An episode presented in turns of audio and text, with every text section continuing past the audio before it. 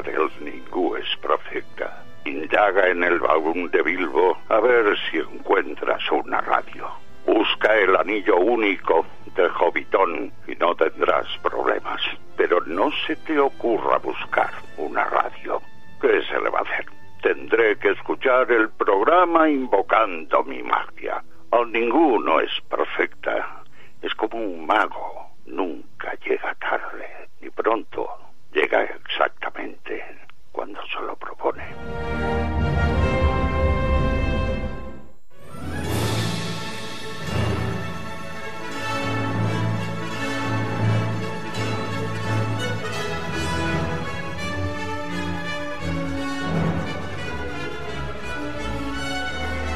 Què tal? Benvinguts al Ningú no és perfecte, el programa de cinema, còmics i sèries de televisió que us acompanya, com és habitual, cada setmana. Avui tenim moltes coses, molt de contingut, molta gent a l'estudi, avui també.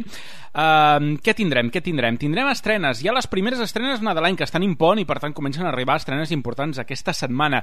Torna la crítica del tràiler amb en Jacint Casademont. Què tal, Jacint? Molt bé, preparat per fer la crítica del tràiler, aquella sessió que tots esteu esperant. Exacte, jo conec molta gent fan d'aquesta secció i que l'està esperant i només espera els trailers per poder escoltar-nos a nosaltres. És normal, esperem que tregui el seu propi programa. En fi, tenim la Marta Sanz. Marta, què tal? Com estàs? Avui secció de xafarderies. Sí, avui toca notícies roses. Hmm.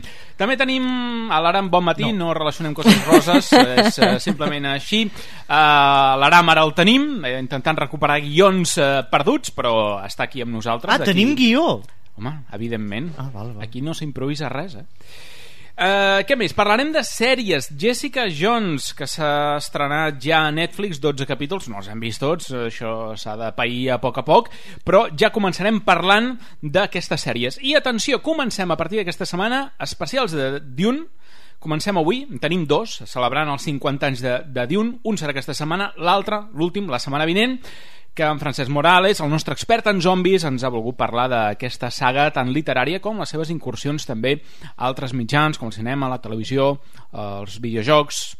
Parlarem del de, tema d'UM bastant extensament durant aquestes dues setmanes. Abans d'anar directes a les estrenes, eh, maneres d'escoltar el Ningú no és perfecte a través de la nostra pàgina web, ningunoesperfecte.cat a través de també el nostre Facebook facebook.com barra ningú no és perfecte us heu de clicar allà, m'agrada la pàgina, imprescindible, també a través de la nostra compte de Twitter que és arroba ningú no és i a través de les xarxes socials ja sabeu eh, que no només hi pengem el programa sinó que hi anem penjant informació, crítiques, fotografies, trailers al llarg de la setmana i els nostres canals habituals tant a iTunes com a iVox ens busqueu com a Ningú no és perfecte i allà ens hi trobareu.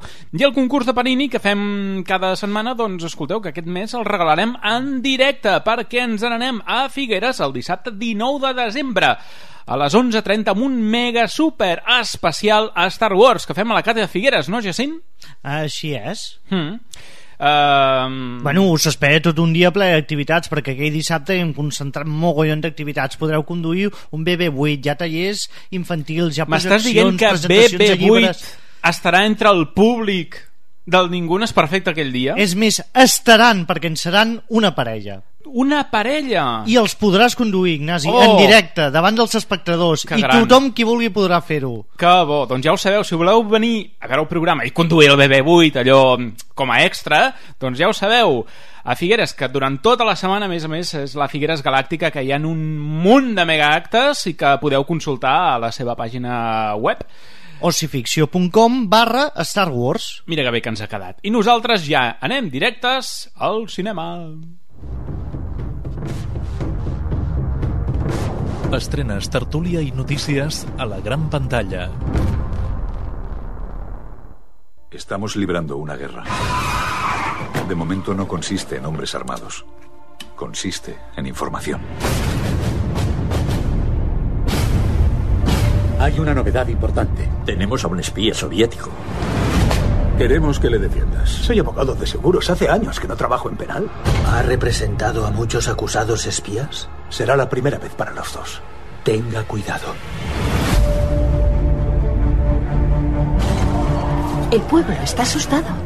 Ese hombre es una amenaza. Això és el Puente de los Espías. Steven Spielberg torna amb una pel·lícula ja d'entrada, per la temàtica històrica, ens recorda la darrera, Lincoln. Spielberg explica que va ser a partir del moment en què es va convertir en pare quan va començar a preocupar-se pel futur dels seus fills i que al mirar cap al futur va veure que era inevitable fixar-se en el passat i en la història. Spielberg confessa que a l'escola el que se li donava millor era la història. Aquesta és la quarta col·laboració entre Spielberg i Tom Hanks després de Salvar el soldado Ryan, La Terminal i Atrápame si puedes. Aquesta pel·lícula és també un punt d'inflexió en la seva carrera perquè és la primera que no comptarà amb música de John Williams després d'un grapat d'anys col·laborant junts. Però no busqueu mal rotllos, simplement Williams tenia problemes de salut i quan ja estava en condicions de treballar tenia que fer la banda sonora de Star Wars al despertar de la força. Per aquest motiu Spielberg va començar a rodar la pel·lícula sense música, cosa que no fa mai. I així va ser durant els primers 35 minuts de metratge que s'han mantingut a la pel·lícula sense música, només amb els sons de Nova York. I a partir d'aquest instant començarem a escoltar la banda sonora que ha compost Thomas Newman. La pel·lícula, basada en fets reals, s'ambienta en els anys 60, en plena Guerra Freda entre els Estats Units i la Unió Soviètica. L'1 de maig de 1960, un avió espia nord-americà va ser abatut per l'exèrcit rus mentre sobrevolava territori soviètic. El pilot va aconseguir sobreviure gràcies al paracaigudes, però va ser capturat pels soviètics. James Donovan, advocat especialitzat en assegurances de Brooklyn, home ordinari i pare de família, va ser reclutat per la CIA perquè negociés l'alliberament del pilot. La peça clau de l'acord serà un espia del Kremlin atrapat per l'FBI el 1957. El guió anat a càrrec de Matt Charman i els germans Cohen. La pel·lícula s'ha rodat a Nova York, Califòrnia i Berlín. Ha costat 40 milions de dòlars i els Estats Units n'ha recaptat fins ara 67. Prométeme que volverás.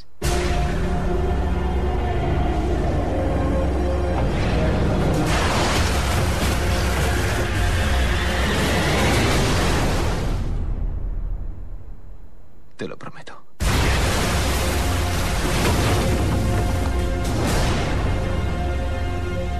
¿Tiene usted familia? Nos vamos a casa.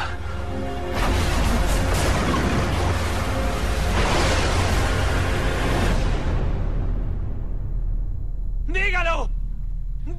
I això és en El corazón del mar. Ron Howard dirigeix aquesta pel·lícula basada en l'assaig de National Philbrick eh, sobre un vaixell baler que va ser enfonsat per una balena gegant i que va inspirar a Herman Melville per escriure el clàssic de la literatura Moby Dick.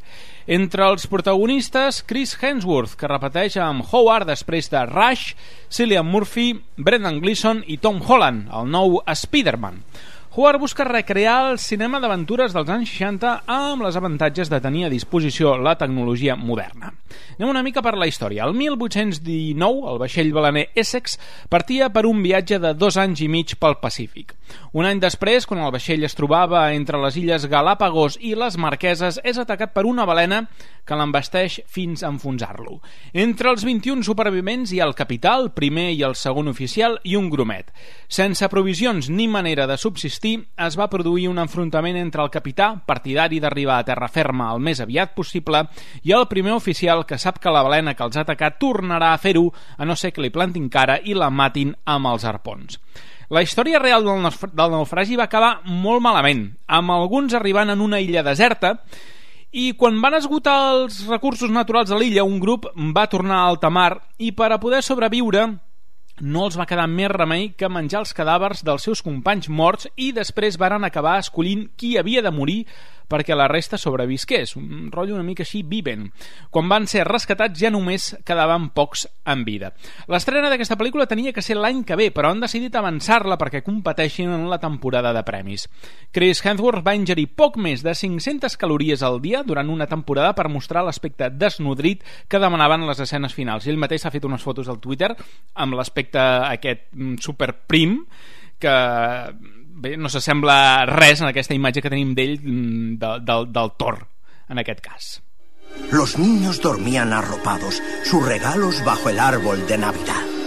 Mas este relato no es sobre Santa Claus o juguetes, es sobre tres tíos, tres colegas, tres íntimos amiguetes.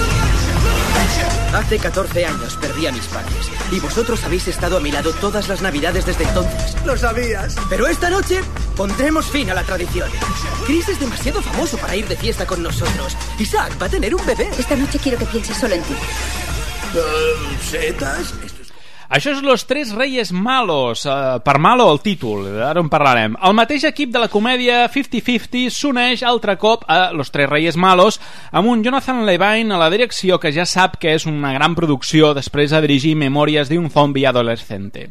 La idea de la pel·lícula se li va córrer a Levine quan recordava la seva època universitària.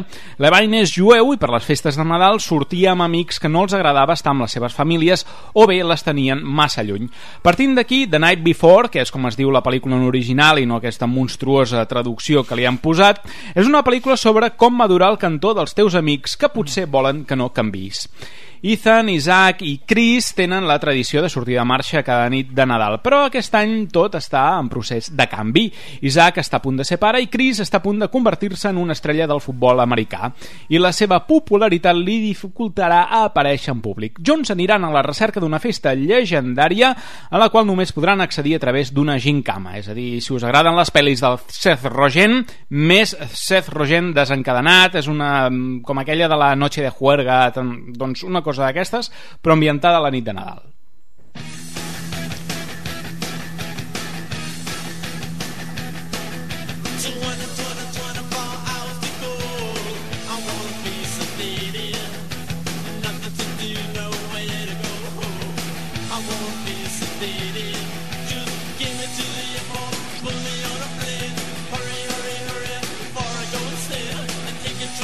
La següent, Mal Krampus, Maldita Navidad, producció de terror dirigida per Michael Dougherty, un dels guionistes de Brian Singer i director de l'excel·lent pel·lícula episòdica sobre la nit de Halloween Truco o Trato, de la que ja en prepara una seqüela. Krampus, Maldita Navidad, és una pel·lícula sobre el Krampus, l'acompanyant monstruós de Sant Nicolau que, segons la tradició germànica, castigava els nens que s'havien portat malament. Max és un nen que la seva família li ha pres la il·lusió de les festes de Nadal. L'absència d'esperit nadalenc ha fet enfurismar una força demoníaca, el Krampus, que castiga els que no creuen. Sense llum i aïllats del món per culpa de la neu, la família de Max s'haurà d'unir si volen sobreviure a l'atac del Krampus, que compta amb tot tipus d'icones nadalencs que cobren vida. A favor direm que el disseny de les criatures ha anat a càrrec de Richard Taylor, director de Weta Workshop, el mateix responsable del Senyor dels Anells i el Hobbit, que els ha fet reals i no amb efectes digitals. Entre els actors destaquen Toni Collette i Adam Scott.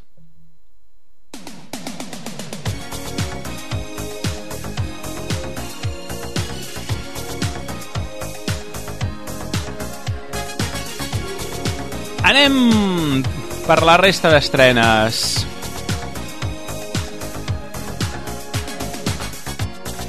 Comencem per la religiosa adaptació de l'obra de Diderot, que ens explica la història d'una jove burgesa rebel que és enviada pels seus pares en un convent per convertir-se en monja i que haurà de suportar l'assetjament i vexacions de les companyes i les mares superiores. Entre elles. no crec. No Vexacions a quin tipus? No crec, no crec. Langosta és la incursió a Hollywood del realitzador grec Georgios Latimos, director de Canino, eh, envoltat d'estrelles com Colin Farrell, Ben Whishaw, Lea Seydoux i Rachel Weisz.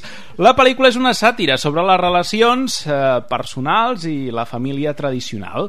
Els protagonistes s'allotgen en un hotel de solters i disposen de 45 dies per trobar parella. En cas contrari, es transformaran en l'animal que escollin i seran abandonats al bosc. Continua... Hòstia, és superrealista aquesta història. M'ha passat més un cop. M'ho imagino. Eh, No et pregunto en quin animal... Et... Un conill. Dic, no et pregunto. Continuem amb Techo i Comida, que és una denúncia social sobre els desnonaments que segueix a una jove mare soltera que viu a Jerez de la Frontera que aparenta tenir una vida normal mentre no pot pagar cap factura i tem perdre la tutela del seu fill de 8 anys. Seguim amb Ardor, una lenta i ja la títol de la pel·lícula ja reflexa el que és. Suporífera, pel·lícula protagonitzada per Gael García Bernal en el paper d'un xaman rodamont que viu a la selva argentina i rescatarà una família d'un grup de mercenaris que els volen robar. I acabem amb Barcelona nit d'hivern, que seguint el mateix esquema de Barcelona nit d'estiu, ens presenta sis històries, segons el seu director, properes i agradolces, que viuen un seguit de personatges durant la nit de Reis. Torna a dirigir-la Dani de la Orden, que repeteix amb alguns dels mateixos actors i n'incorpora de nous, ja que en aquesta ocasió obre un espectre més ampli d'edats dels protagonistes. Uh, he tingut una idea. A partir de la setmana que ve s'ha acabat de fer sortejos i coses d'aquestes. Jo m'inventaré el títol d'una pel·lícula i un argument per la pel·lícula i la ficarem enmig de les altres. Qui endevina quina és la falsa s'emporta el lot de còmics directe. Ho, fe, ho fem? Ho fem, va. Bueno, per, per aquest mes no, No, però pel per, següent? pel següent... Va, m'inventaré el repartiment, el director... No, no, realment, eh, moltes d'aquestes podien ser ideades per tu. Aquell de l'hotel... El de l'hotel ja hi vaig. En fi, uh, notícies. Treu això!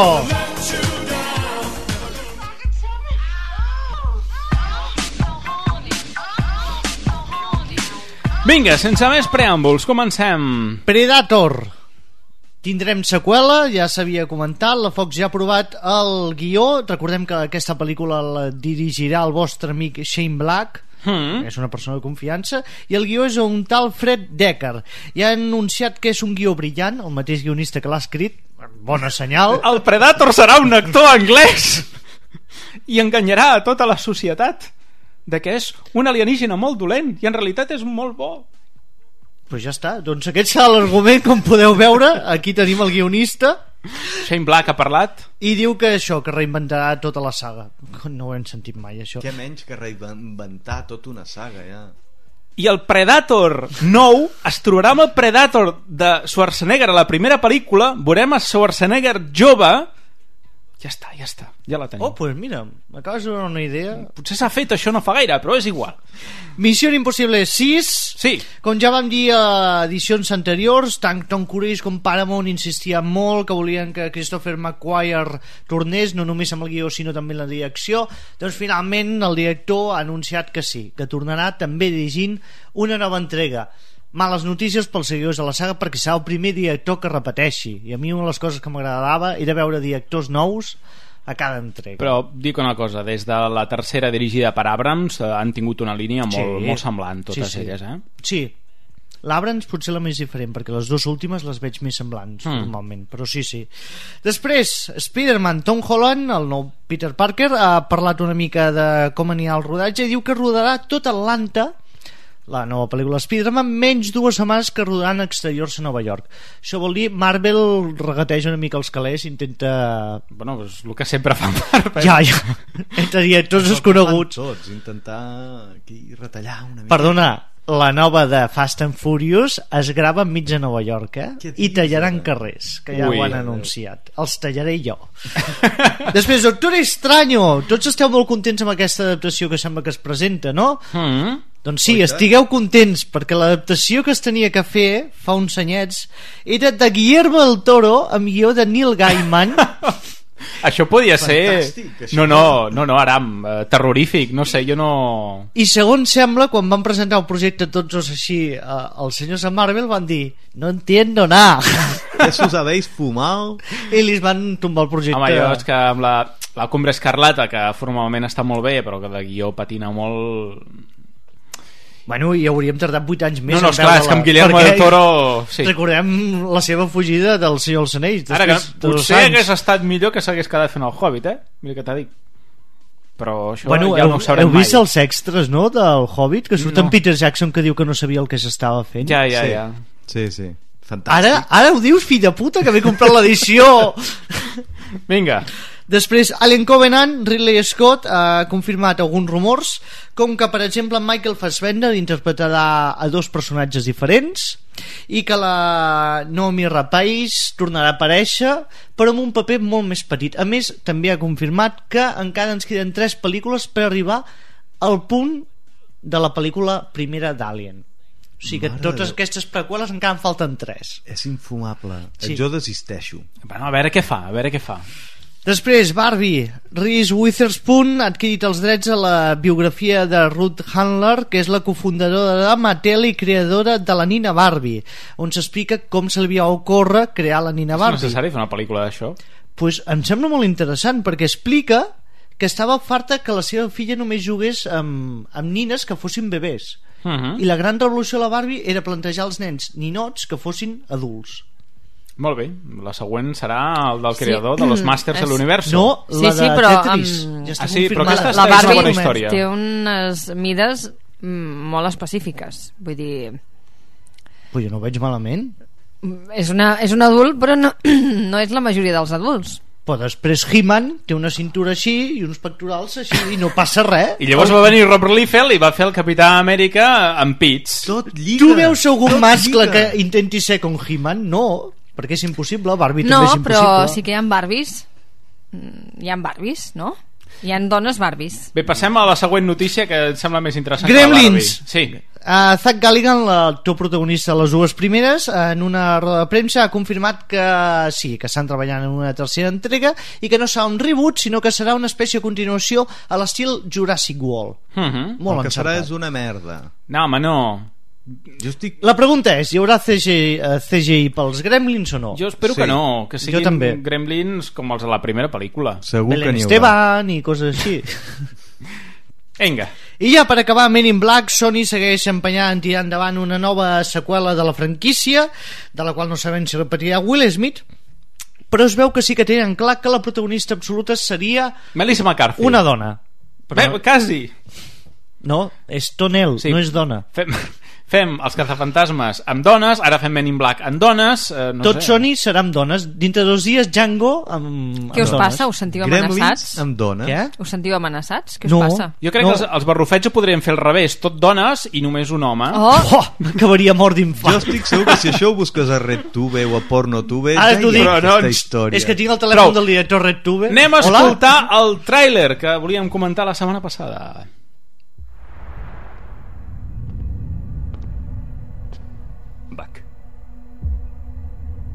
¿Te acuerdas de mí? Tu madre se llama Sara. Solías ponerte papel de periódico en los zapatos. Te busca la ley. Ya no me dedico a eso. La gente que cree que sí viene hacia aquí. Y te busca vivo o muerto. Doncs arriba la crítica del tràiler. Um, què t'ha semblat aquest tràiler uh, de Civil War? No és dels meus preferits de Marvel, la veritat. Recordem que també en Marvel eh, sempre em passa el mateix. El primer tràiler no m'agrada i el segon sí. Uh -huh. En aquest veig que sí, eh, el que ja suposar, molts eh, superherois enfrontant-se amb dos bàndols, veiem alguna possible baixa o malferits, que ens toquen de ple. Que això... A mi a mi m'ha agradat el to del tràiler, és a dir, el veig. Jo m'imaginava, en principi, a priori, t'imaginaves un Vengadores 3 Sí. un dos, Vengadores 2 i mig, i no. Tu És veus un clar thriller. Que és una continuació del Soldado d'Invierno amb el mateix to de Soldado d'Invierno, i per tant estic molt content de, de que continuïn apostant per això. A mi m'agrada que aprofitin en Bucky Barnes per, com a excusa argumental per començar la Civil War. Sí. Perquè ja que no tenen tot el repartiment de superherois que hi havia a l'univers Marvel original, no hi és.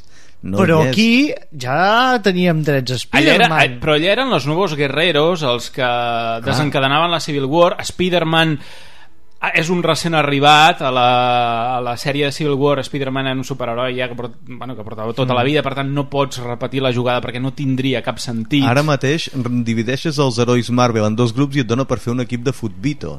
No, no dona per gaire més. És que per potser tant, el títol li va gros de Civil Mm. War, perquè Civil War t'imagines una cosa molt gran com va ser en el còmic, que hi havia sí. dos bàndols gegants. però ens hem d'imaginar una cosa diferent i en Sí. aquest cas serà això ara la cosa gran ja la tindrem en Vengadores 3 amb bueno, la guerra de l'infinito i tot això no? Però ja no serà Civil War, serà, no, serà no. una altra història. Per això, en aquest cas, que sigui una tercera part de la Capitana Amèrica, que ens home, i Civil War, el Capitán Amèrica no era el protagonista, era un mes, no? I dius, en aquest cas sí és el protagonista. Però m'agrada molt això que has apuntat del to, perquè sembla que els germans Russo, dins de Marvel, s'estan especialitzant en això. Més Mm. thriller que pel·lícula de superherois a l'uso. Ara, la tercera de Vengadores la faran ells i els hi tocarà canviar de registre. I és aquí que veurem a veure si també són capaços de fer una cosa diferent. Potser més que Civil War hauria d'haver sigut de Civil Batalla en el Callejón Oscuro Tu has vist Quedamos la- a las 7 y nos damos de Ron leche. Burgundy, que apareixen equips a les notícies que es foten d'hòsties entre ells, que Sí. tots són cameos, una cosa així petita, no? Al Exacte, parque, és una nos cosa- metemos... Una mica de, del West Side Story, dels Jets contra els Sharks, saps? Ah, aquí. Però m'ha agradat uh, Pantera Negra, eh? Trobo que, ostres, s'assembla molt al còmic i... Però si es veu nanosegons. Però és igual. És... Bueno, hi ha gent que ha vist Spider-Man, eh? I han Mare vist la, de la gent Colson també l'han vist. Ah, també? Sí, sí, sí. La gent per Facebook... Ningú i... ha vist Colson, és impossible. Ah, no, perdona, la, la Carter. La gent Carter. Ah, gent La gent Carter, que jo he flipat, dic, no, no, Però no ser, eh? representa que la pel·lícula... Ara vaig a dir un... Bueno, no és igual, no ho dic perquè és un spoiler. Ai, Anem a comentar el que hem vist aquesta setmana.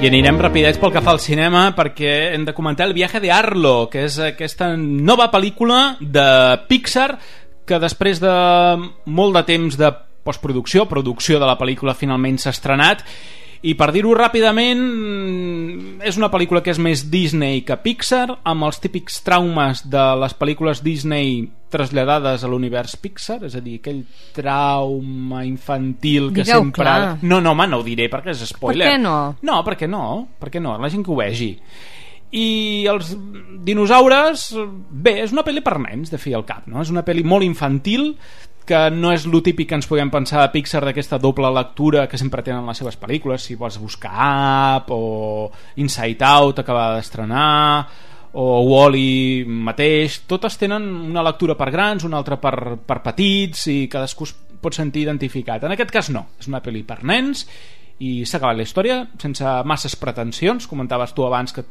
Aram que amb prou feines has tingut campanya de promoció Mm -hmm. No se n'ha sentit de parlar, No. pràcticament. i és mm, bàsicament per això una pel·lícula bastant petita tècnicament jo potser m'atreviria a dir que és la millor mm, de Pixar no potser tant pels protagonistes que són bastant caricatures sinó per tot el que és la, la, el paisatge la recreació de, de, dels llocs on té lloc l'acció que és, eh, no sé, rossa la realitat per no dir que és pràcticament real que sembla que ho hagin filmat en realitat quan són, són dibuixos En tot cas, és recomanable.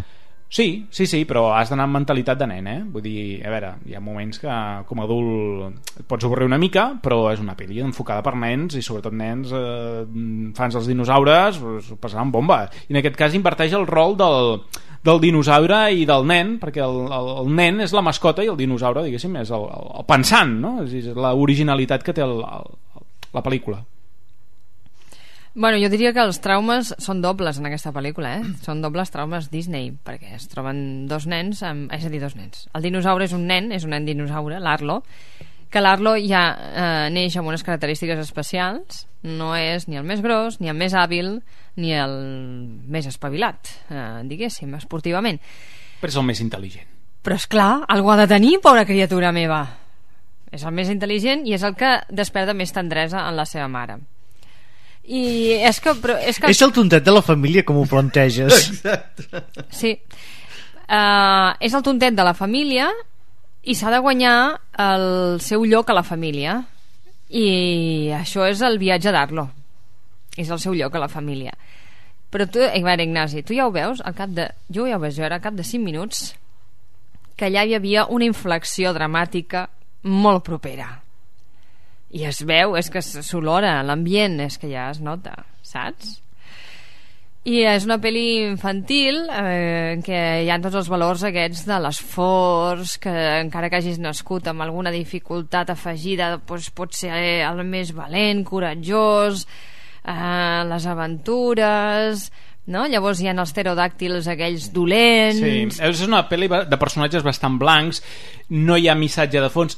Com a molt si li vols buscar un missatge ecològic de mira com els humans hem deixat el planeta Ah, sí. i si el planeta hagués estat Però, a mans dels dinosaures Si Wall-E, seria molt millor. el missatge queda molt curt, Home, eh? clar, a veure, mm, és que no es pot comparar, eh? és una cosa... I bé, la gràcia és el que has dit, dels papers invertits, i m'agrada molt el nen com l'han creat, m'agrada físicament com l'han creat i, i, i tots els gestos que fa. I encerten perquè dius, a veure si la, la caguen i el fan parlar. I no, no, el nen... mm, No parla. No parlen, perquè els humans no saben parlar, es comuniquen pues, amb amb grunys Sí. i amb gestos, amb picant de botes al terra i jo què sé. Bueno, a les 5 o a les 6 del matí tothom es comunica. Més o menys és això.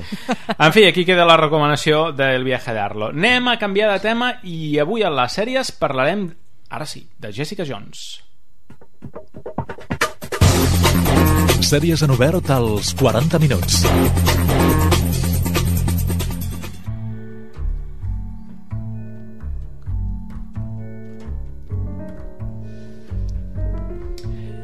Ja ho contar la setmana passada que avui tocava el torn a Jessica Jones, que és aquesta sèrie Netflix que adapta el còmic Alias, eh, escrit per el Brian Michael Bendis, que també és eh, consultor a la sèrie, de, que clar, és el que ha parit la Jessica Jones, personatge bastant recent a la història de Marvel i curiosament dels primers, eh, com aquells que diu, a tenir sèrie de televisió, una decisió que és bastant valenta.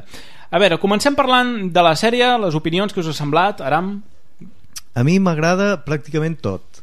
M'agrada el càsting, m'agraden els títols de crèdit, m'agrada l'ambientació, el que No l'hem acabat, la sèrie, eh? Ho hem, No, no, diguem d'entrada, eh, que encara no hem vist al final. vist tres capítols de moment. Jo Mhm. sis. Jo tres, també. A mi m'agrada el pack de la sèrie, el contingut encara no el tinc gaire clar, eh, encara no veig gaire clar que es diferenciï gaire de la clàssica història de detectius privats que es donen a la beguda, amb, amb problemes familiars, amb problemes psicològics i de tracte difícil, al més pur estil Clint Eastwood, Harry el Sucio. És que una mica ja és això el que era el còmic i el que de fet és la, la pel·lícula no vol fer una cosa que és bastant propera al, al cinema negre ja, la música ja és així i la manera com està rodada mm, és pur cinema negre Em sembla que aquí segueix una mica amb el que ja era Daredevil. Aquesta mena de recreació del, Mm, no. de la cocina de l'infierno. no, jo crec Daredevil que no, eh? seria un Sèrpico, un thriller més policíac però més de carrer i en canvi aquest és més novel·la negra perquè Mm. mm. té molts detalls la veu en off és la típica del detectiu privat els personatges són molt típics de detectiu privat en canvi l'altre jo veia més a més callejero mm. brut No, em referia una, potser una mica més a la- l'ambientació, vull dir, a la fotografia, a la manera de realitzar. Trobo que totes dues són cosines germanes. Hòstia, no, la realització vaig llegir un ensaig que era molt interessant que t'explicava l'ús que fan servir dels plànols que si veus el personatge de Jessica Jones sempre queda comprimit els plànols aquells Sí, sí, que fica com en segon pla sempre queda marcada com és l'opressió que sent cada vegada més apremiant el personatge que en canvi els altres personatges en cap moment estan tan tancats a part d'algun personatge que corre perill que seria la Hellcat es diu bueno, Sí, aquí li diuen la, Encara no hi la hem Patsy. Walker. Sí, la Patsy. Patsy Walker sí que és la seva amiga. Ah, Aquella d'acord. sala que en el còmic Sí, era sí, la sí. Carol Danvers, que era Miss Ah, Marvel, exacte. però com que Miss Marvel ha de tenir pel·lícula l'han canviat per la Ah, és que Patsy Walker, que és la, la gata infernal, que serà Mhm. doncs, aquesta... doncs aquesta quan corre perill també passa el mateix en- tanquen molt Que jo sempre confonia la gata infernal amb... Amb la tigra? Amb, no, amb la Monkbeard, la que surt a Agents of Amb la S.H.I.E.L.D. Pájaro Burlón. Amb la Pájaro Burlón, exacte. Vale. O sigui, tenim Pájaro Burlón a, a Agents of S.H.I.E.L.D. i, Mare i, Déu. i Gata Infernal a...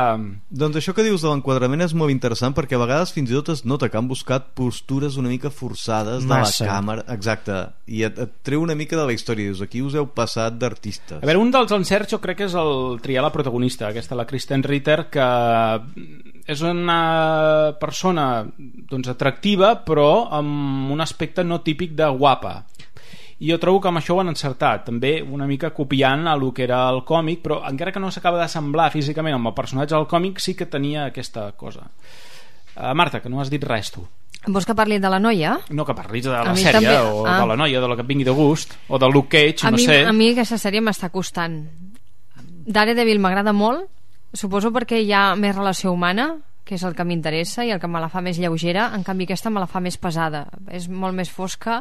És més angoixant també. És angoixant perquè hi ha aquest personatge en Killgrave que, que clar, el poder que té és bastant aclaparador. I a més, clar, te'l presenten ja com que la teva heroïna perquè ella és la teva heroïna a la sèrie, no? Clar, no, és antiheroïna. Sí, però és la teva heroïna. O sigui, tu el que esperes d'ella, ja ho sé, és el paper típic d'antiheroïna. Però ella sempre vol fer el, el bé. No. Tot i que mm, amb uns mètodes bastant reprovables a vegades, no? No, és que jo diria que és just el contrari, que és una antiheroïna. No fa el bé, fa el que li paguen. I quan hi ha algun problema gros, Bueno, com es veu té al primer capítol, consciència, se eh? n'allunya. Té consciència moral, no vol eh? fer el bé. Té consciència. Té consciència Té moral. consciència, però no s'hi atreveix, perquè no vol tornar a passar. Bé, tampoc no sabem encara, no ens han explicat, perquè ella sí que sabem que ha tingut una vida com a superheroïna, hi ha un guinyo i tot, i portaves uniforme i tal, no? Li pregunta ell. Nosaltres que hem vist el còmic sabem que sí, però saps, queda com... Per mi hi ha Jo- un moment molt simptomàtic de si és heroïna o no en el tercer capítol, que hem vist tots, Mm. quan necessita entrar a l'hospital per aconseguir el somnífer, val? no dubta en sacrificar el seu amic que li tenia confiança total i fer-lo servir de víctima per aconseguir el que ella busca Mm. o sigui, posa eh, la seva missió personal per davant de tot per davant del bé i del mal i de... ella ja ho sap que el que fa està malament però li és igual, perquè en el fons per ella el- la fi justifica els mitjans pel que hem vist de moment Però ell, el, el seu bé és aconseguir el somnífer i derrotar el seu nèmesi. És una venjança personal, per això no fa el bé. Exacte. És venjança però, personal. Però no, no és veritat, perquè ella també està afectada o se sent responsable per la, Per tot el la, que va causar, la mort del, dels clar. pares de la Hope, de la qual ella diu, ostres, jo això ja m'ho hauria d'haver vist a venir, que Killgrave estava utilitzant i que eh, aquesta noia... Bé, en tot cas, eh, com que és un paper molt difícil, el d'antiheroïna, com vulgueu dir-li, eh, i eh, les relacions que té són molt distants. I l'única relació que té propera eh, és eh, sexe i prou. No, no hi ha res més, no hi ha ni confiança. Cada vegada que vol fer un pas més ella se n'allunya fins al tercer capítol eh? doncs a mi m'està costant. A més això dels plànols suposo tan oprimits m'acosta i, i és, uh, potser estic amb l'Aram que estic pendent de la història a veure cap a on va perquè no dona pistes no, no, no saps, uh, sembla que el té a punt però no, se li escapa clar, si s'estan així I- 10 capítols més jo els enviaré a la clar, porra eh? això cansarà clar. Llavors, um, han entrat directament per, en matèria, això sí, han entrat directament en matèria i potser eh, te'n pot despistar una mica, eh, si no has llegit res o no, o no saps res ni, de, ni de, del, del eh, atmosfera Marvel o del que havia estat eh? jo crec, com a vosaltres ja esteu molt ficats, però jo com a representant dels que no estem a, llegint Marvel mm, dia sí, dia no, doncs ens costa. Sí que havia llegit eh, el còmic però ja l'he oblidat. O sigui, el còmic recordo que em va agradar. La sensació és que estava bé. Primera perquè és una dona i ja est- està bé que una dona tingui aquesta força. Hi ha molt de sexe al còmic i a la sèrie també. Uh -huh. I ja està, només dic això que, que és angoixant per ella i és angoixant per mi vull dir que a mi com a espectadora m'està costant A mi hi ha dues coses que són les que menys m'han agradat. Primer de tot és la indefinició de gènere. Vol ser gènere negre i ens fa molts aguinyos, però després trenca moltes regles, però tampoc trenca regles aprofitant que tens super, superpoders, que és un factor que jo trobo que podia fer la sèrie molt més interessant i no els explota. Són simples guinyos que fa dels seus poders, quan en realitat tindria que ser el punt fort de la sèrie. No, perquè ella es troba en una situació que està reprimida. Eh? Ella reprimeix els seus poders per lo que... El... Oh, no és No. veritat, al contrari, els fa servir sense cap mena de mania. Sí, el, els primers però- 5 minuts, si ha llançat algú per la porta, el llença. Sí, però vull dir, no, no, no fa ostentació de... No, no, jo no dic que faci ostentació, però dic, hi ha molts moments que els seus poders podrien servir per a alguna cosa i és que sembla que ens en recordem un moment a cada episodi. Clar, ella- No sé si és per tema d'efectes Hi ha especials. algun moment que també li diu d'aquests primers capítols però tu saps volar? Sí. I ella no contesta, ella vola té la capacitat de volar, però és un poder que no utilitza A la sèrie Bueno, no. això ho dius Bueno, tu perquè... a la sèrie no. en el còmic sí, però ja veurem a la sèrie si No, no, no, sí no, o si no. A la sèrie sembla que no. Ella diu que pot saltar bastant. Sí, això és el que diu, però... És el que diu. I després el que també m'ha fallat és el que dieu de, de l'argument. La trama eh, està molt bé en si però no està ben desenvolupada perquè de seguida es troben que estan començant a repetir llavors dic que el sisè capítol és tornem a repetir exactament el mateix canviem personatges però és que no ens moguem d'allà mateix crec que una sèrie de només sis capítols hagués funcionat Ui, no sé, a veure, tu encara, encara vas pel sisè, vés a Sí, saber sí. què passa. Vull dir que... però ja se m'està fent molt cansino la Quants, repetició cap, quants capítols era Daredevil? 13, i aquesta 13? també són 13 capítols, que de fet està plantejat tant Daredevil com aquesta com una pel·lícula llarga de 13 hores i les entregues són una mica així i parlem ràpidament per acabar del personatge del Luke Cage que suposo que ens ha agradat a tots Sí, que, de que, lo millor de la sèrie. que està molt bé i que tindrà sèrie pròpia Em fa patir la sèrie pròpia. No, Sí, perquè- no sé de què pot anar. Bé, dels còmics clàssics aquells de Luke Cage, Misty Knight i tota aquesta història una mica afro de... Jo crec que tiraran per aquí. Ara, no sé si això acabarà de- d'encaixar amb el públic però és un, veure, és una aposta arriscada però, No, sí, sí. però també pot ser un producte diferent amb tot això no? vull dir que, no sé ara amb alguna cosa més De moment eh, seguirem veient-la, Mhm. a veure, però en poques paraules em va agradar més Daredevil, de moment. De moment. Sí, però tot i així a mi m'agrada molt aquesta sèrie eh? i trobo que de les estrenes que hi ha hagut aquest any en sèries per mi eh, estarà a la llista eh? És molt entretinguda, això Ah, sí, no es sí. pot negar. I la qualitat tècnica No, visual no, a veure, està bastant bé. estem parlant d'una lliga alta, eh? És a dir, no estem parlant de Arrow, ni Flash, Ah, ni Agents of S.H.I.E.L.D., si m'apures. Eh? Vull dir, estem Daredevil- parlant de primera categoria. Daredevil havia posat el llistó molt alt per mi i era difícil i segueix Mm. siguent-ho. Sí, sí. Bueno, és que veurem la segona de, de Daredevil, a veure com va, eh? A veure. Marta, anem ja per les teves xafarderies a punt? Doncs som-hi.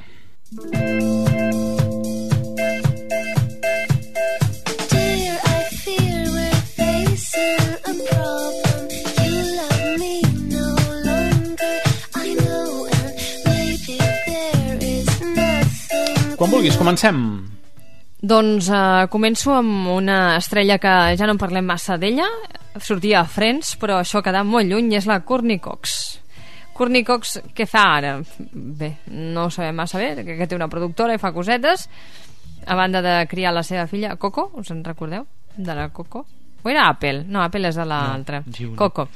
Doncs uh, resulta que estava promesa amb el guitarrita, amb el guitarrita, amb el guitarrista de Snow Patrol i s'ho han deixat, s'han separat. Han vist que en Johnny McDade sortia de la casa que, tenen, que té uh, Courtney Cox a Malibu a Los Angeles i sortia amb les maletes eh, poc abans del dia d'acció de gràcies així que no van poder celebrar ni menjar gall d'indi junts Oh. Però van anar a Black Friday per separat. Això. Ah, això sí.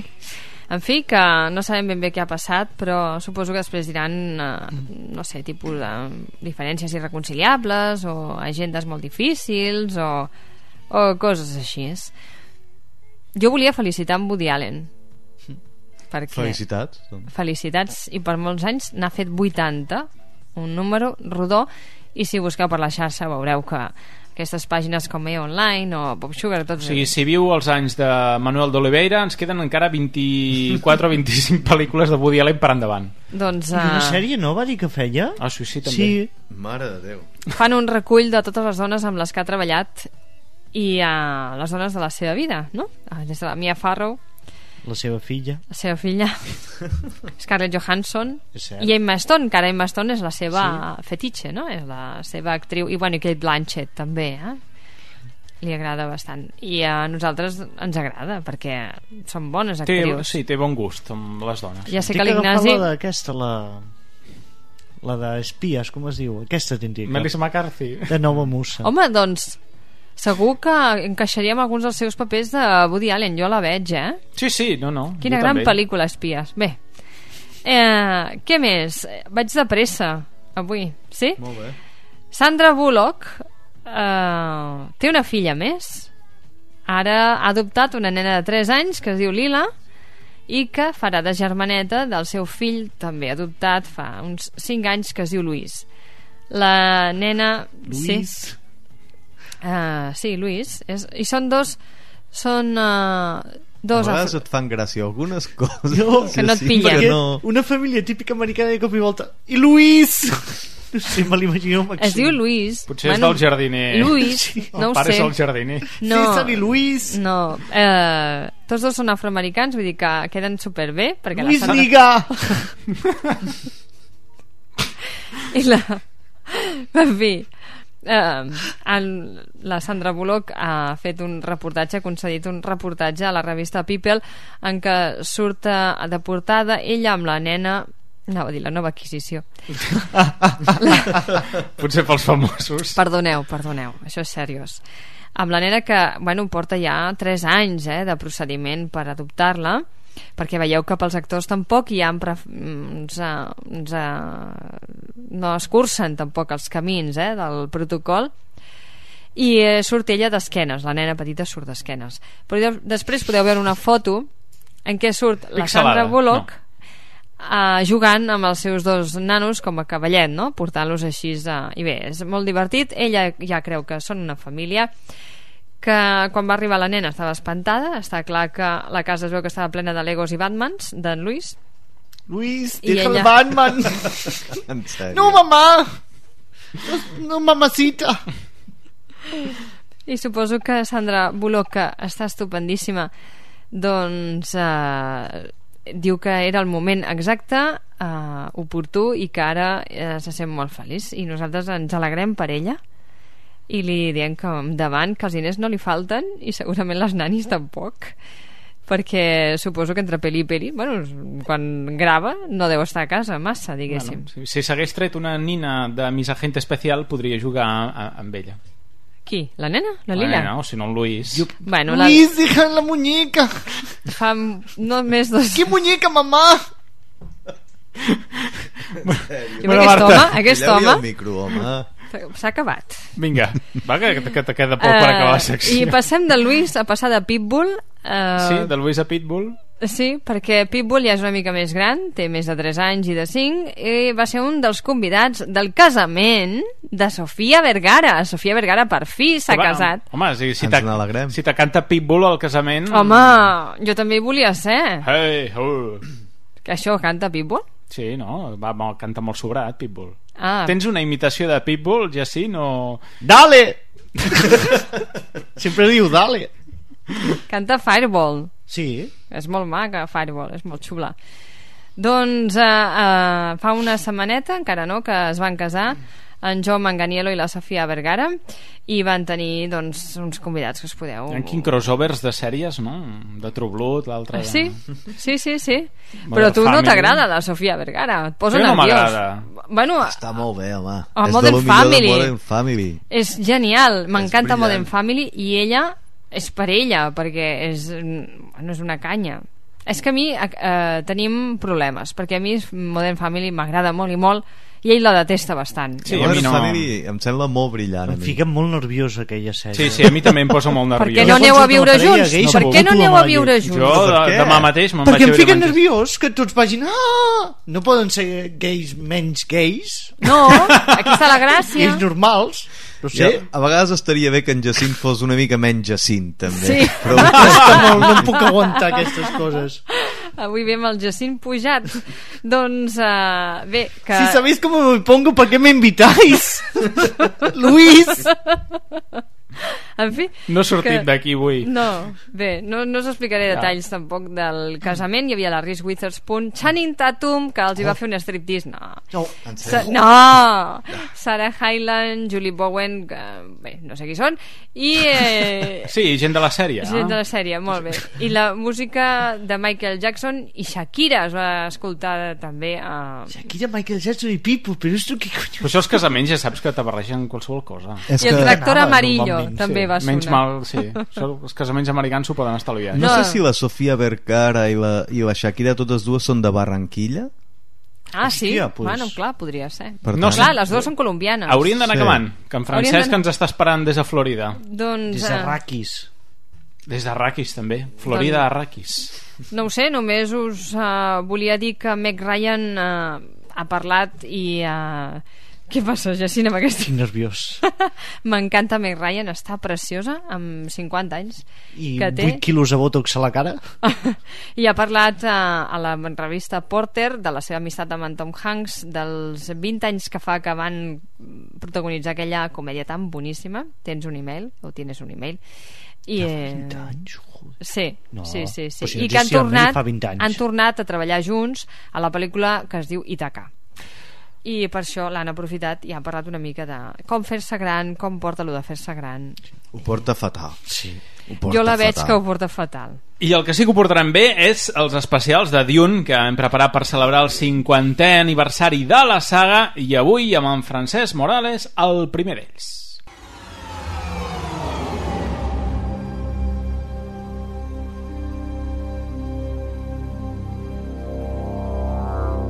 Ja fa dies que teníem ganes de parlar de Dune. Aquí en el Ningú no és perfecte i per fer-ho hem pensat una persona que s'ho coneix molt bé, que és el nostre expert en zombis, en Francesc Morales. Què tal, Francesc? Com estàs? Hola, molt bé, aquí passant una tempesta per Florida. Uh, sí, tu sempre estàs així, eh? no sé si això ens ajudarà una mica a destriar o parlar una mica de, de Dune i el seu fenomen. Home, doncs la veritat és que sí. Uh, la, la tempesta és un, és un element primordial a la, a la novel·la de Dune, que per cert estem en el 50è aniversari. Uh -huh. El que passa que com que no és Star Wars ningú se'n recorda massa. Però bé, faran una edició especial uh, pel que he vist. I és una novel·la on l'ecologia té, hi té un, un pes importantíssim.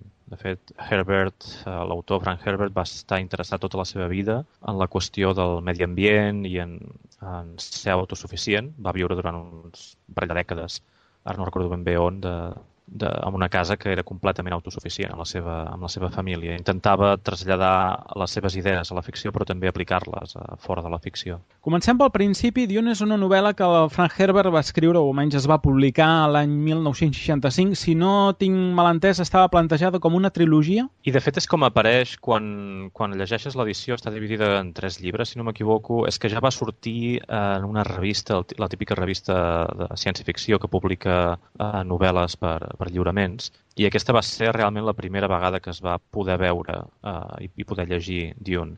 I després de seguida va sortir publicada en format d'un sol volum, però mantenint aquesta estructura de, de llibres. Eh, de fet, curiosament, l'editorial que la va publicar no era una editorial, ara no recordo el nom, però no és una editorial o no era una editorial coneguda per publicar ficció, ni molt menys ciència ficció, era coneguda per publicar manuals d'enginyeria i, i de tecnologia. Uh, ell la va intentar presentar com en una vintena diferents editorials i, i totes van, van dir que no, fins que aquesta va dir que, va dir que sí, però ja abans es podia llegir alguna cosa en format revista. Quina és una mica la, la història de, de Dune? Um, ens pots explicar l'argument, els seus personatges principals? Herbert fa una cosa bastant intel·ligent.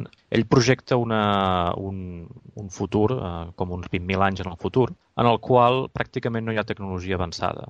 Clar, eh, això és, de fet, és, és bastant inusual en, en, en el món de la ciència-ficció. La idea és crear una riquesa tecnològica que permeti jugar al, a l'autor. Ell el que fa és s'inventa que hi ha hagut una mena, com 10.000 anys en, des d'ara, 10.000 anys en el futur, una mena de, de guerra santa contra les màquines, la, la típica tòpica guerra contra les màquines, i a partir d'aquí eh, passa a ser il·legal i a més a més un pecat des del punt de vista religiós crear màquines de, amb intel·ligència artificial o, o que puguin computar. Això li permet centrar-se en, una, en una societat on el primordial és la religió, la humanitat, el desenvolupament físic i psicològic del, dels personatges. A més, hi ajuda l'estètica i l'estructura política d'aquest imperi galàctic, típic i tòpic de la ciència-ficció dels anys des de sempre, bàsicament, eh, en la qual s'inspira en el feudalisme europeu. La societat està organitzada en un imperi amb diferents cases, com podria ser Joc de Trons, hi ha diferents cases que lluiten entre elles pel poder, i al no haver-hi tecnologia, doncs, els combats eh, són pràcticament sempre cos a cos. Ja existeixen les pistoles làsers típiques, però hi ha una tecnologia que ell també s'inventa, que és d'uns escuts que protegeixen persones i estructures que si eh, són atacats per aquests rajos làser es produeix una bomba atòmica, una explosió de tipus atòmic. Llavors això li permet també a l'autor eliminar aquesta faceta de, de, dels combats a distància. I quan descriu els uniformes o descriu uh, l'arquitectura dels edificis, uh, la forma que tenen les persones de relacionar-se, podria ser una novel·la ambientada al segle XVI, tranquil·lament de capa i espasa. Podria ser els Tres Mosqueters, de fet. I podem parlar d'algun personatge principal? O... Hi ha una, una, una d'aquestes cases principals, és la casa Atreides, que és la casa protagonista, on el seu personatge principal és Paul Atreides, que és el fill del duc d'aquesta casa, i és el que es convertirà en el líder religiós i també polític uh, d'un planeta que és importantíssim en aquest imperi galàctic. Uh, abans he comentat que la tecnologia és bastant simple i és tan simple fins al punt que els típics viatges en l'espai, a la velocitat de la llum, que això se soluciona apretant botons, bàsicament, si pensem en la Guerra de les Galàxies, amb una computadora calculant la distància, això ho fan persones en aquest univers de Herbert. Ho fan persones que estan completament drogades amb un producte que es diu espècia i que els hi permet veure el futur, els hi permet veure cap a on poden anar amb seguretat amb aquests viatges a través de l'espai. Això fa que aquest producte sigui molt i molt valuós, és pràcticament el, el producte més valuós de, de l'univers de Dune. I només existeix en un planeta, que es diu Arrakis, també conegut com a Dune, seria el seu sobrenom, i és on acabarà anant el personatge de, de Paul Atreides. Què és el que passa? Aquest planeta té reminiscències molt clares amb el que seria la situació de l'Orient Mitjà, que ja als anys 60 i abans estava, o sigui, en vida de Herbert estava com actualment, és a dir, eh, el petroli com a principal producte d'ús mundial, però que només es troba en, en determinades regions. El mateix passa amb l'espècie. És, per tant, un planeta completament eh, abocat, està dominat per aquestes cases aristocràtiques, fins que arriba Paul com a salvador de les tribus que viuen en el desert, que tenen una inspiració claríssima en les tribus islàmiques, i allibera el planeta i s'acaba convertint en el, en el líder religiós d'ells i, per extensió, de la resta de, de l'imperi. A més, com la bona ciència-ficció, no? Un paral·lelismes eh, al món real. Uh, sí, i a més a més sense posar gaire èmfasi, per això és tan complex a vegades la novel·la, perquè no t'explica ben bé per què les coses són com són. Uh, si una novel·la està explicant tota l'estona, bueno, aquest producte funciona així o aquesta màquina funciona d'aquesta altra manera, um, ja estem en un altre tipus de... Passa el mateix amb la novel·la històrica, no, no tenen per què explicar-te cada vegada que això és el que passava fa mil anys. M'ho expliques i punt, no, si vull saber com era, ja vaig a un llibre d'història de no ficció. Per això és tan rica uh, la de Dune, perquè realment, un, està ambientada en una projecció del present en 20.000 anys endavant, no és una galàxia molt, molt llunyana, com seria Star Wars, és la nostra, uh, i dos, uh, t'ho explica com si realment anés a passar això. Herbert va escriure sis llibres, és a dir, un cop acabada aquesta primera trilogia va escriure tres llibres més, suposo perquè no sé si li cridava el cos o la gent li demanava més. Sí, ell, ell escriu aquesta Dune, uh, poc després escriurà el, el Messies de Dune, que és una seqüela, com uns 30 anys després de la, de la primera novel·la, quan Paul Atreides ja és l'emperador d'aquest univers, d'aquest imperi galàctic, i després n'escriurà una tercera, Els fills de, de Dune. Llavors, um, hi ha un salt dramàtic entre la tercera novel·la i les altres tres, per completar el, el cicle de les sis que, que ell va escriure. I dic que és un salt dramàtic perquè el salt cronològic és molt alt, uh, ja, ja estem parlant de centenars i milers d'anys en el futur, l'univers ha canviat moltíssim, um, l'estructura política és diferent, més o menys els, les institucions protagonistes, algunes sobreviuen de la saga original, d'altres no. És, és, més, és més mal coneguda aquesta segona fase de, de, la, de la cronologia de Dune, no? d'aquestes tres darreres novel·les, que serien el uh, Déu Emperador de Dune, uh, de Dune i, i Casa Capitular de Dune. Llavors, ell sí que va escriure, va deixar notes per un setè llibre. Hi havia d'haver una setena novel·la que no, no es va acabar publicant mai. Això són notes que sembla ser que el seu fill va trobar, Brian Herbert. Sí, d'això en parlarem al programa que ve. Ell va morir l'any 1986 amb aquest sisè llibre que semblava que sí que eh, bueno, un final obert, que la cosa no, no acabava. Sí, al final és completament obert, eh? O sigui, el, el, o sigui acabes l'últim capítol del sisè llibre i es nota que sí, que hi ha d'haver un, un setè llibre però com, com has dit, ell, ell va morir. Ell va seguir escrivint altres coses. Va escriure La, la pesta blanca, per exemple, que és una altra novel·la de ciència-ficció, i d'altres obres. Ja abans de Dion havia publicat una altra obra de, de fantasia, però malauradament no va continuar. El que sí que va poder veure, suposem una mica per desgràcia d'ell, va ser l'adaptació cinematogràfica de, de David Lynch, que eh, suposo que tothom està d'acord que no fa justícia a el que és l'obra, no? No ens entretindrem massa a parlar d'aquesta adaptació, però m'agradaria conèixer la teva opinió. Sí, bueno, tothom està d'acord que és bastant dolenta. Crec que sóc l'únic que està d'acord amb mi mateix, que és... perquè crec que David Link mateix diu que no, no li agrada com va acabar el, el producte final. El, el cert és que la novel·la de, de Dune ja s'havia intentat portar al cinema als anys 70. El, si no recordo malament, és el director que al final va fer el Planeta dels Simis. Uh, uh -huh. Ja se li va encarregar, llavors no va funcionar, llavors aquell projecte mastodòntic que Alejandro Jodorowsky va intentar tirar endavant, on potser alguns ja ho sabreu perquè va sortir un documental fa poc, no? El Salvador Dalí havia de ser l'emperador, uh, Mick Jagger havia de ser un dels dolents, Orson Welles havia de ser un altre dels dolents, o sigui, hi havia molta gent al darrere, Giger, Moebius, uh, Gloria Swanson, Pink Floyd havia de fer la banda sonora...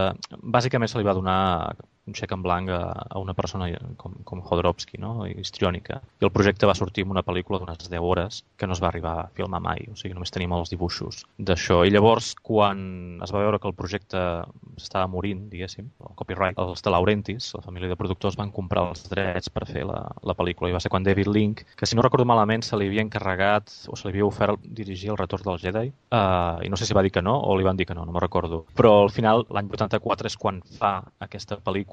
La veritat és que hi ha, hi ha moltes llibertats, això és cert. La- L'atmosfera jo crec que la capta molt bé, estèticament també està molt ben captada, però necessites haver llegit la novel·la per entendre què està passant. No és d'aquestes pel·lícules que es poden desvincular completament de la, de la novel·la. Aquesta, per exemple, El Senyor dels Anells es poden veure tranquil·lament sense haver llegit les novel·les de, de Tolkien. En canvi, aquesta de Dune eh, assumeix que ets coneixedor de, de l'uni- de l'univers de Dune. No només has llegit la novel·la, sinó que estàs entenent què està passant a l'univers de Dune mentre llegeixes la novel·la i mires la pel·lícula. Jo la pel·lícula encara és hores d'ara que hagi d'entendre alguna cosa, sí. ja t'ho dic. És, és bastant incomprensible precisament per això, però si al llegir una novel·la te n'adones que sí, que ell recrea molt bé el, el, les vestimentes, eh, arquitectònicament, les relacions personals d'aquesta forma tan, tan lacònica moltes vegades Uh -huh. eh, entre personatges, això sí que està ben recreat. La resta, en part també peca molt de la influència de Star Wars. Eh, havies de posar-hi efectes especials encara que no tinguessis els diners necessaris, no? I havies de posar-hi naus i rajos làser i criatures que semblessin alienígenes barrejades amb éssers humans. Tot això són herències de la Guerra de les Galàxies. I Link va pecar d'això, crec jo. Uh, la història de Dune continua, ho farem en el programa vinent, Francesc. Uh, de moment ho deixem aquí amb la intríngulis de què va passar després, perquè encara ens queden quasi 30 anys de Dune per endavant. Sí, sí, perfecte. Vinga, fins la propera setmana, Francesc.